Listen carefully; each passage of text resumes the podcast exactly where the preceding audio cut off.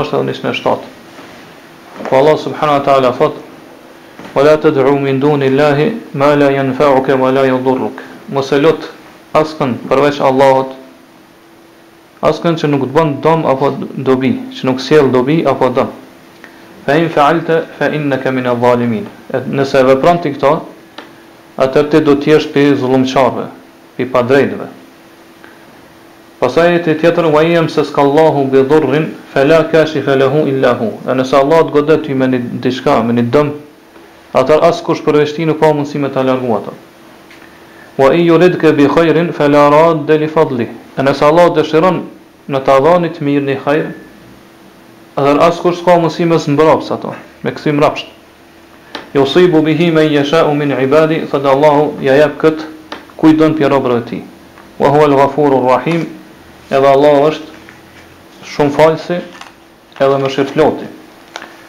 Pra Allahu subhanahu wa taala në këtë ajet, pra ashtu që shkuptohet prej kontekstit të ajetit, me këto fjalë i drejtohet pejgamberit sallallahu alaihi wasallam.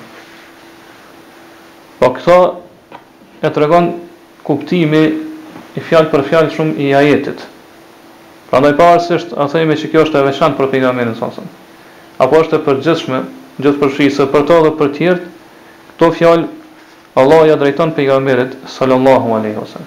Edhe pse disa dijetarë kanë thënë që nuk është e saktë edhe s'pranohet që me thonë se këto fjalë ju kanë drejtu Pejgamberit, sallallahu alejhi o selem. Ngase Allahu po thotë, Wa la ted'u min duni'l-lahi ma la jenfa'uke wa la judurruke, Mos lut askënd përveç Allahut, që nuk të sjell dëm e as dobi. E thonë që është e pamundur që kjo me ndodhë prej Pejgamberit, sallallahu alejhi o selem. Kështu që ajeti në këtë rast përcaktohet Dhe, dhe i shtohet fjala Kul. Pra qëllimi është thuaj ti o pejgamber që mos lut, mos e lut dikënd tjetër, po thuaji të tjerëve, mos e lut askënd përveç Allahut, se Ai nuk të ban dëm as dobi. Mirëpo, ky mendim është i dobët shumë, për arsye se në këtë mënyrë e nxjerrim ajetin prej kontekstit të tij, e kjo nuk, do të thotë, nuk është e pranueshme sa i përket shkencës së tefsirit. E saktë është që, Themi që kë, këto fjalë, ose janë të veçanta për Pejgamberin sallallahu alejhi ve sellem, pra Allahu veçanërisht i drejtohet Pejgamberit sallallahu alejhi ve sellem, mirëpo dispozita apo vendimi që nxirret prej këtyre, prej këtij ajeti është e përfshin Pejgamberin sallallahu alejhi ve sellem dhe të tjerët përveç tij. Ose themi që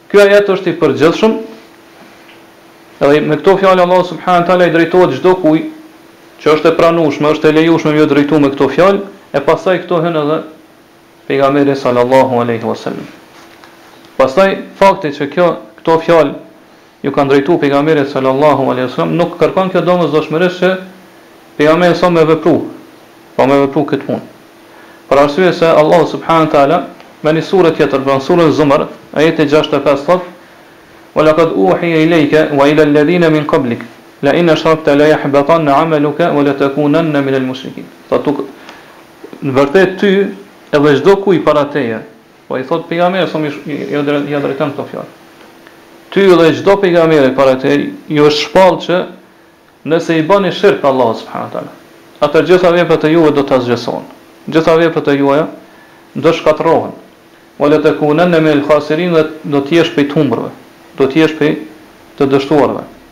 Pra këtu Allahu subhanahu wa taala me këto fjalë po i drejtohet pejgamberit sallallahu alaihi wasallam dhe pejgamberëve para tij. Mirëpo Kjo vepër është e vërtetë që nuk ka mundësi me ndodhë prej Pejgamberit sallallahu alejhi ve sellem ose prej të dërguarve të mëhershëm, nëse merret në konsideratë gjendja e tij, pra që është Pejgamber i Allahut, jo nëse merret në konsideratë që është ai njeri, për arsye se kjo ka mundësi me ndodhë prej çdo njeriu. Mirëpo për shkak të gjendjes së tij, që është i dërguari i Allahut, atëherë themi që, do thotë, është e pamundur që Pejgamberi sallallahu alejhi ve sellem ose pejgamberët para tij me i bë shirk Allahut subhanahu wa ta'ala. Gjithashtu Allahu pasi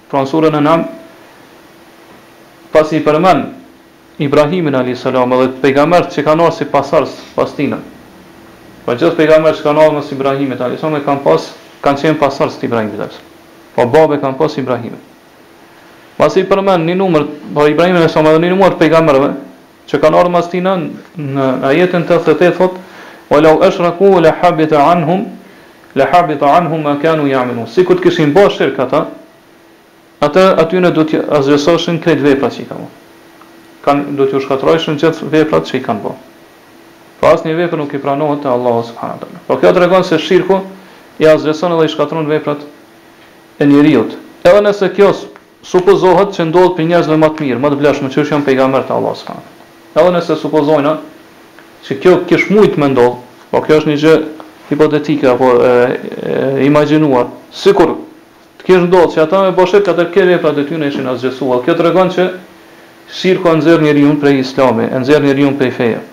Po përderisa i shkatërron veprat, atëherë njeriu nuk mbetet musliman pasi që të bën shirk.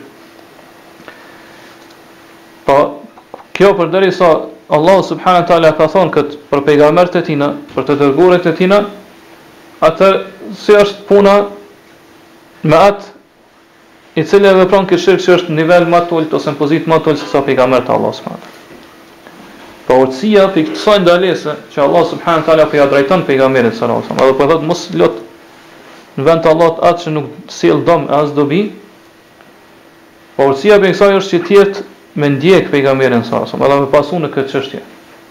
Po përderisa kjo këto fjalë ju kanë drejtu Pejgamberit sallallahu alejhi wasallam edhe kjo nuk ka mundësi me ndodhë për shkak gjendjes së tij, pra që është Pejgamber i Allahut subhanahu wa ta'ala, atëherë kjo do të me qëndru edhe mu vepru edhe pi tjerëve,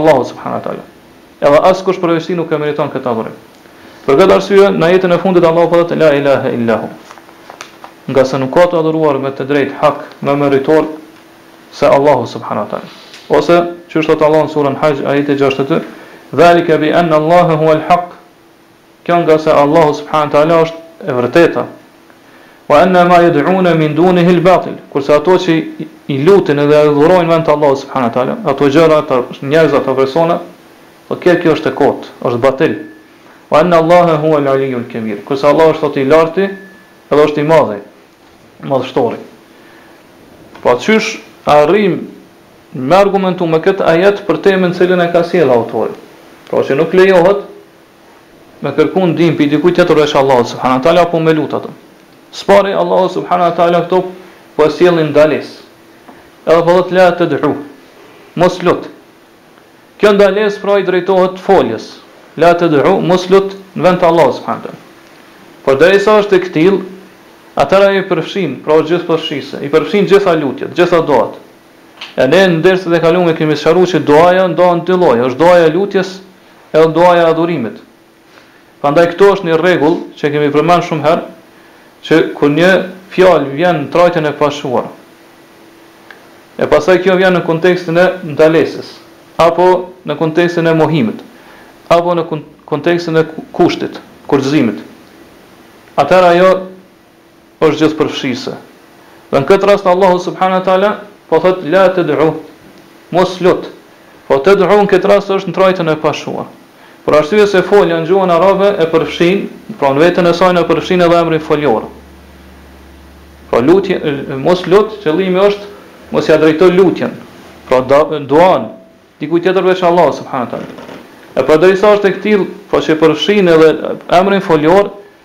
Atëherë këtu po e kuptojna që emri foljor ka ardhë edhe ka ndodhë si, po po ndodhë sikur, po ka ardhë në trajtën e pashquar. Po është një gjë që ndodhë, që tregon ndodhi, diçka që ndodhë edhe është trajtën e pashquar. Prandaj Allahu sikur po thonë këtë ajet që mos ia drejto lutjen tënde. Po lutja është këtë rast emër foljor. Mos ia drejto lutjen tënde. Atij që nuk të bën dëm as dobi, që nuk sjell dobi as nuk sjell dëm. Prandaj kjo lutje pra, kjo dua i përfshin dy llojet e lutjes.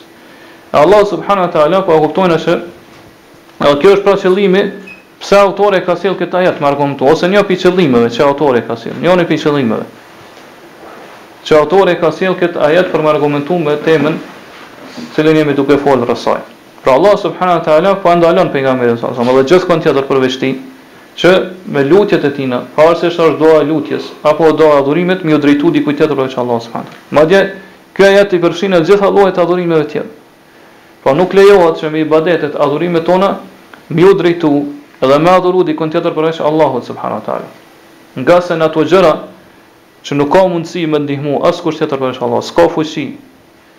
me ndihmu askush tjetër përveç Allahut subhane teala atëherë nuk është e lejume nuk është e pranushme që ato gjëra mi ly mi lyp mi kërku pi dikujt tjetër përveç tij prandaj këtu pra hyn edhe el istiadha kërkimi i strehes kërkimi i mbrojtjes po ashtu hyn edhe istigatha për të cilën po flasëm kërkimi i ndihmës në rastet e vështira pra kur jemi në ngusht ngusht kur jemi në një vështirësi në një fatkeqësi gjithashtu hyn edhe duaja e adhurimit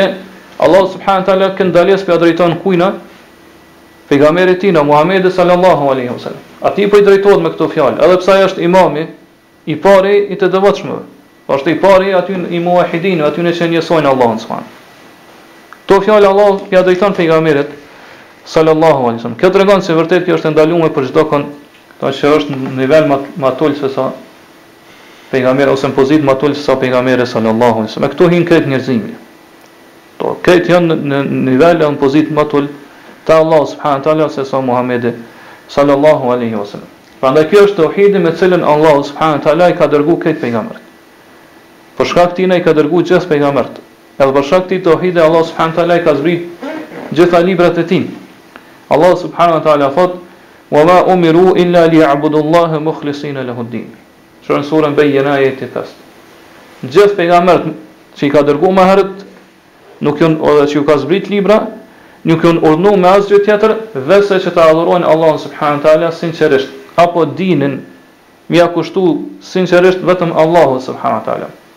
E dini për qëllim është çdo vepër me të cilën ti e adhuron Allahun subhane teala, pavarësisht a jon adhurime të fshehta, të brendshme, të zemrës, apo adhurime të jashtme. Krejt këto i përfshin fjala din. Kurse Ibën Xheriri kur e komenton këtë ajet thotë fjala din, Në këtë ajet është për qëllim duaja, lutja. Pra ne thamë që duaja i përfshin dy llojet e duas, duan e lutjes dhe të adhurimit. Mirëpo ky është adeti i mufesirinëve, i komentuesve të Kuranit prej selefit, që ata kur e komentojnë, për shembull, një ajet që i përfshin shumë kuptime, shumë domethënie, atëherë sjellin vetëm njërin prej tyre me thonë që në këtë rast për shembull për qëllim është duaja, për qëllim është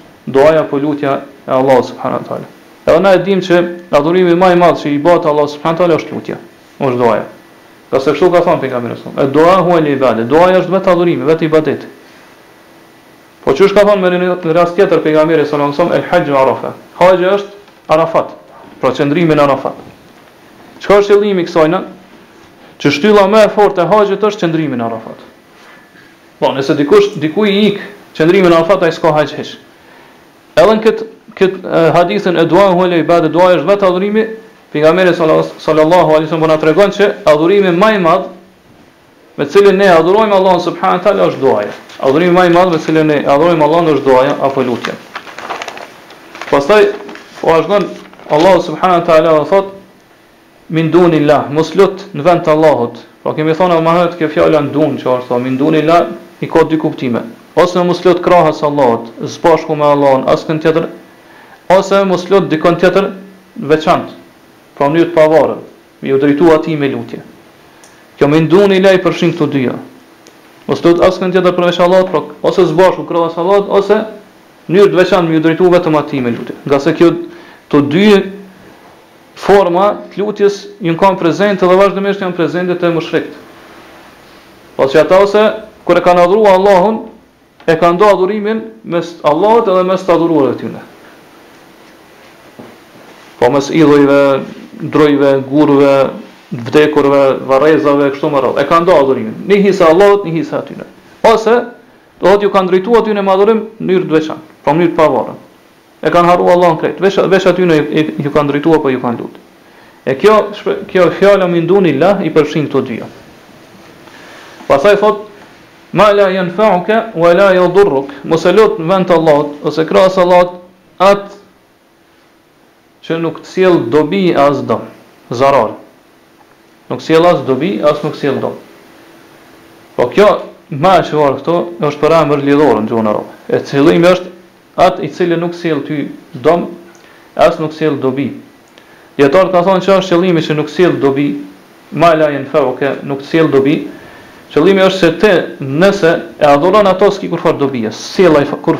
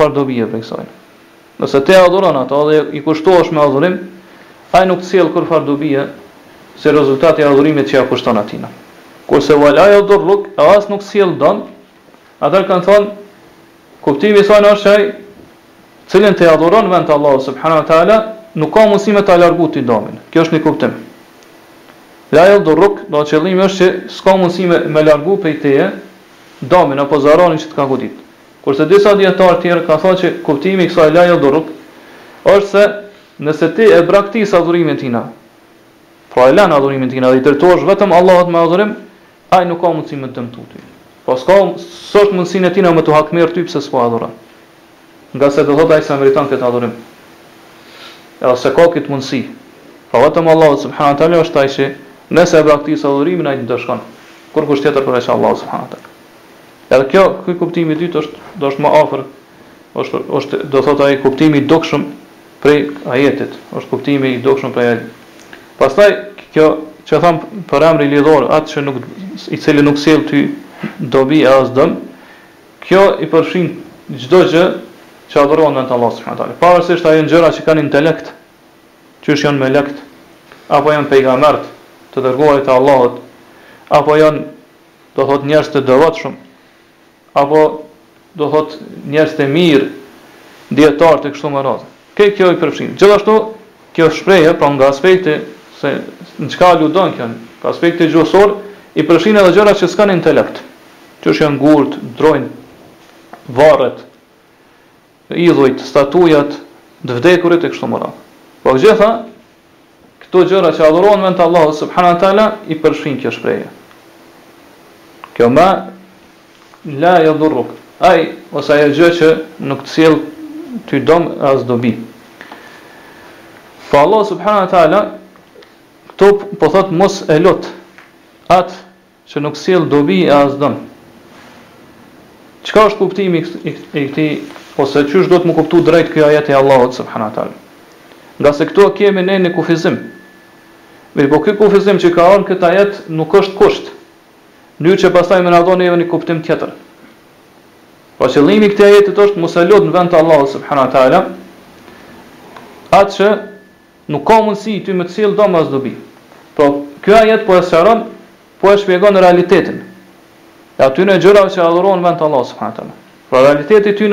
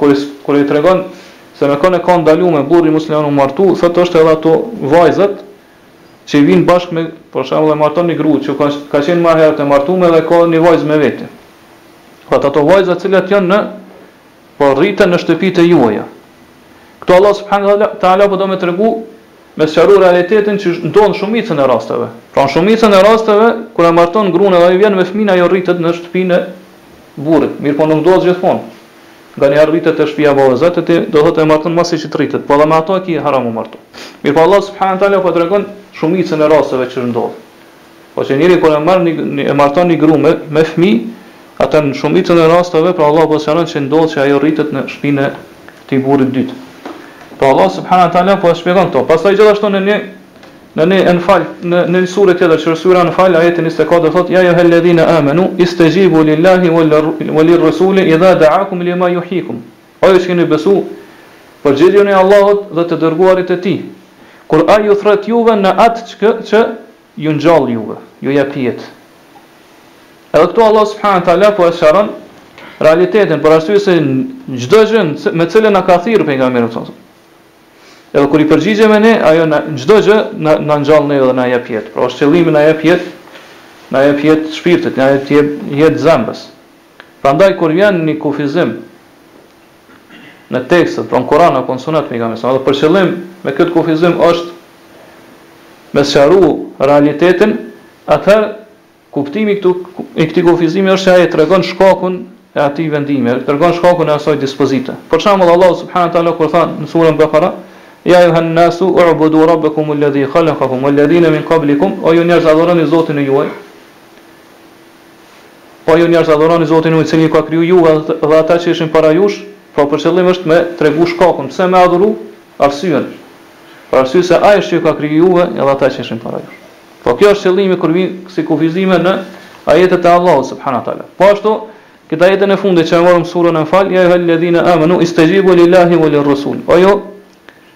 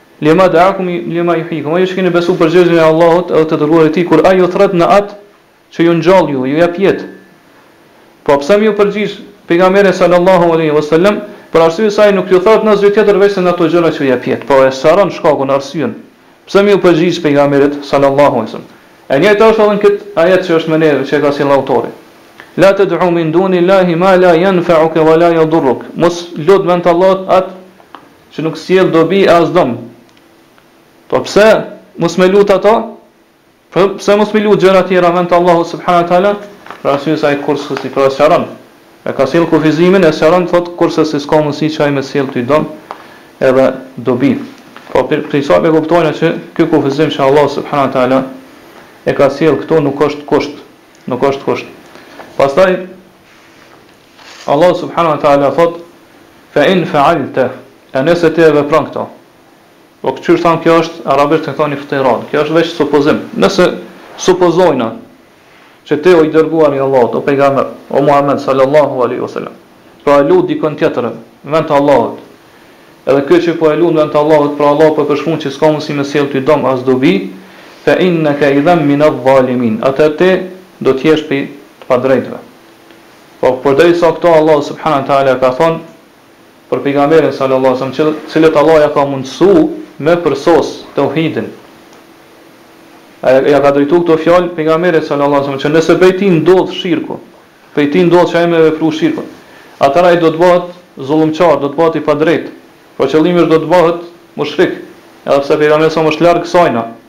atëherë kjo vërtet Allahu përmes këtyne fjalëve po përcjell një frikësim të madh edhe një paralajmërim për çdo kënd i cili është në pozitë më të ultë se pejgamberi sallallahu alejhi wasallam i cili nuk është i mbrojtur prej kësajna ngase pejgamberi sallallahu alejhi wasallam iu ka dhënë kjo mbrojtje pra është masum ka isme iu ka dhënë kjo mbrojtje që mos me ra n'kufër mos me ra n'shirk prej Allahut subhanahu Po ç'u cek më herët, nëse merret n'konsideratë gjendja e pejgamberit sa që është i dërguar i Allahut ai s'ka mundësi kurrë me bë këto. Mirëpo nëse merret n'konsideratë që është njeri, krijesa e Allahut subhanahu teala i dobët atëherë kjo kish pas mundësi me ndodh. Mirëpo Allahu subhanahu teala i ka dhënë garanci, garanci dhe i ka dhënë siguri pejgamberit sa sa. Ka dhënë mbrojtje që mos me ra n'kufër dhe shirk. Atë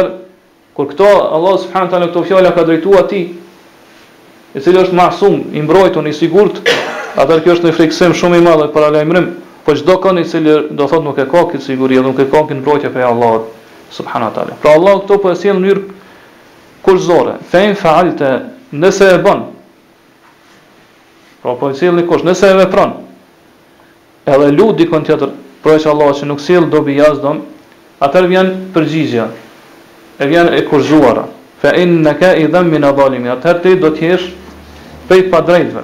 Kjo fjalë që u ardh këtu, pra për shkak të kësaj lutje që ia ke bë dikujt tjetër veç Allahut subhane teala, ti do të jesh prej zullumqarëve, prej padrejtëve. Kjo fjala që u ardh këtu idhen, atëherë ti do të jesh, idhen, Kuptimi i kësaj në gjuhën arabe është që në momentin, në çastet, në gjendjen kur je duke e lut dikon tjetër përveç Allahut subhane teala, në këto momente do të jesh prej padrejtëve.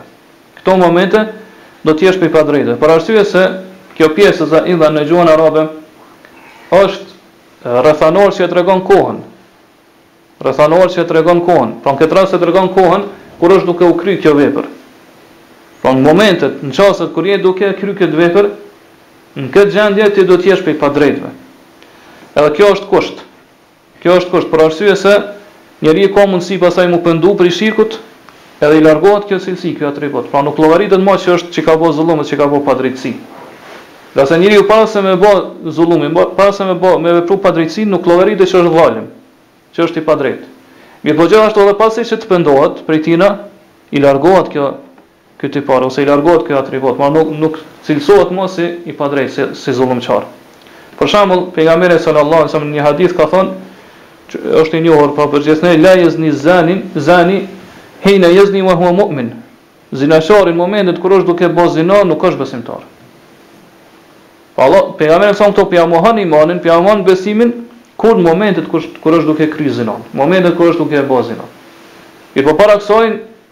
Është besimtar, edhe pas kësaj nëse pendohet, është besimtar. Nejse dihet ai është shtjellimi edhe te ajo që është ehli suneti që ai nuk llogaritet si kafir, mirëpo qëllimi i kësaj që po thom është se pejgamberi sallallahu alajhi wasallam këtu po ia mohon imanin, dihet që qëllimi është imani i plotë, Tek ehlu sunne dhe pra i mohohet imani, imani i plotë ose imani obligativ, kurse i mbetet esenca e imanit, po ja mohon këtu pejgamberi sa në momentin kur është duke e kry zinon, në momentin kur është duke e bë kur duke e bë këtë vepër të keqe.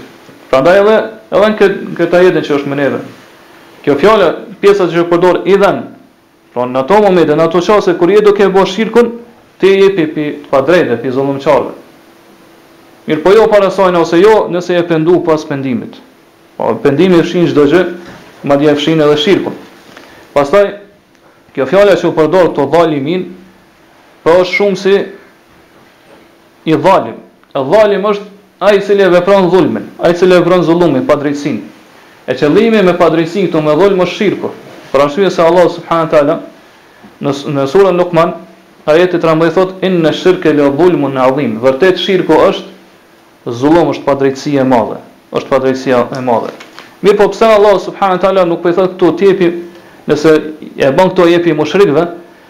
Mirëpo po thotë je pi zullumqarëve, pi atyne që bën padrejtësi, për arsye se Allahu po don me sqaru që shirku është padrejtësi, shirku është zullum.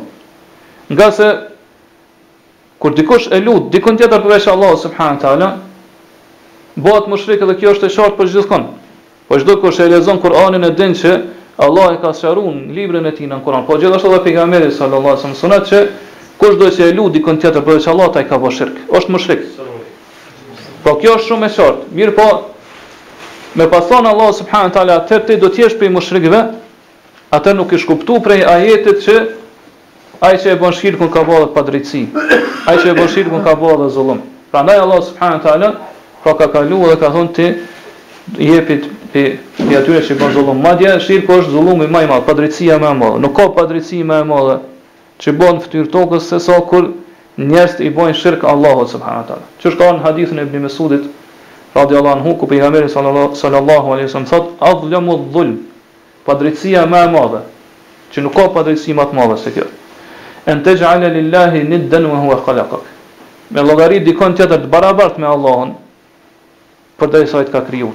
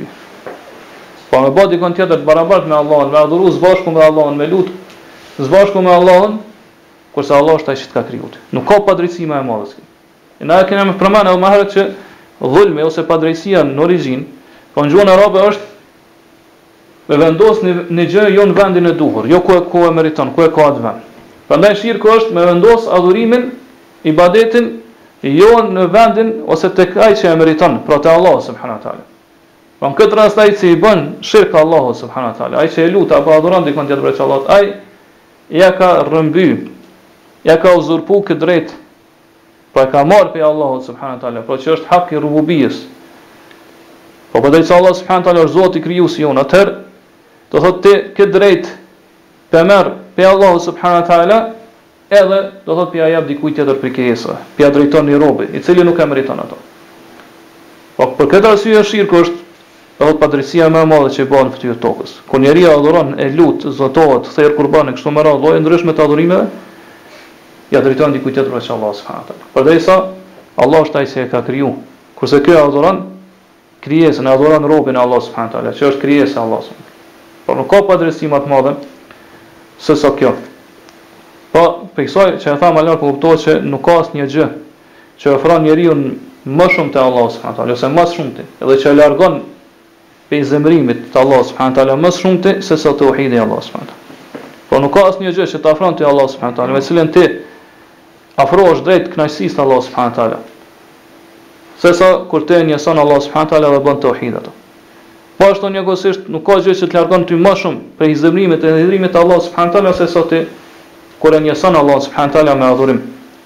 Kuptohet edhe kur bën vepra me të cilën ti e synon arritjen e kënaqësisë të Allahut subhanahu wa taala. Prandaj nuk arrihet kjo duke u mbështetë në persona, në njerëz, duke u mbështetë në krijesa, në varre, në idhuj, statuja, në gurë e drunj që adhurohen në vend të Allahut subhanahu wa taala prej, do thotë prej, prej gjërave tjera ose prej shkaqeve që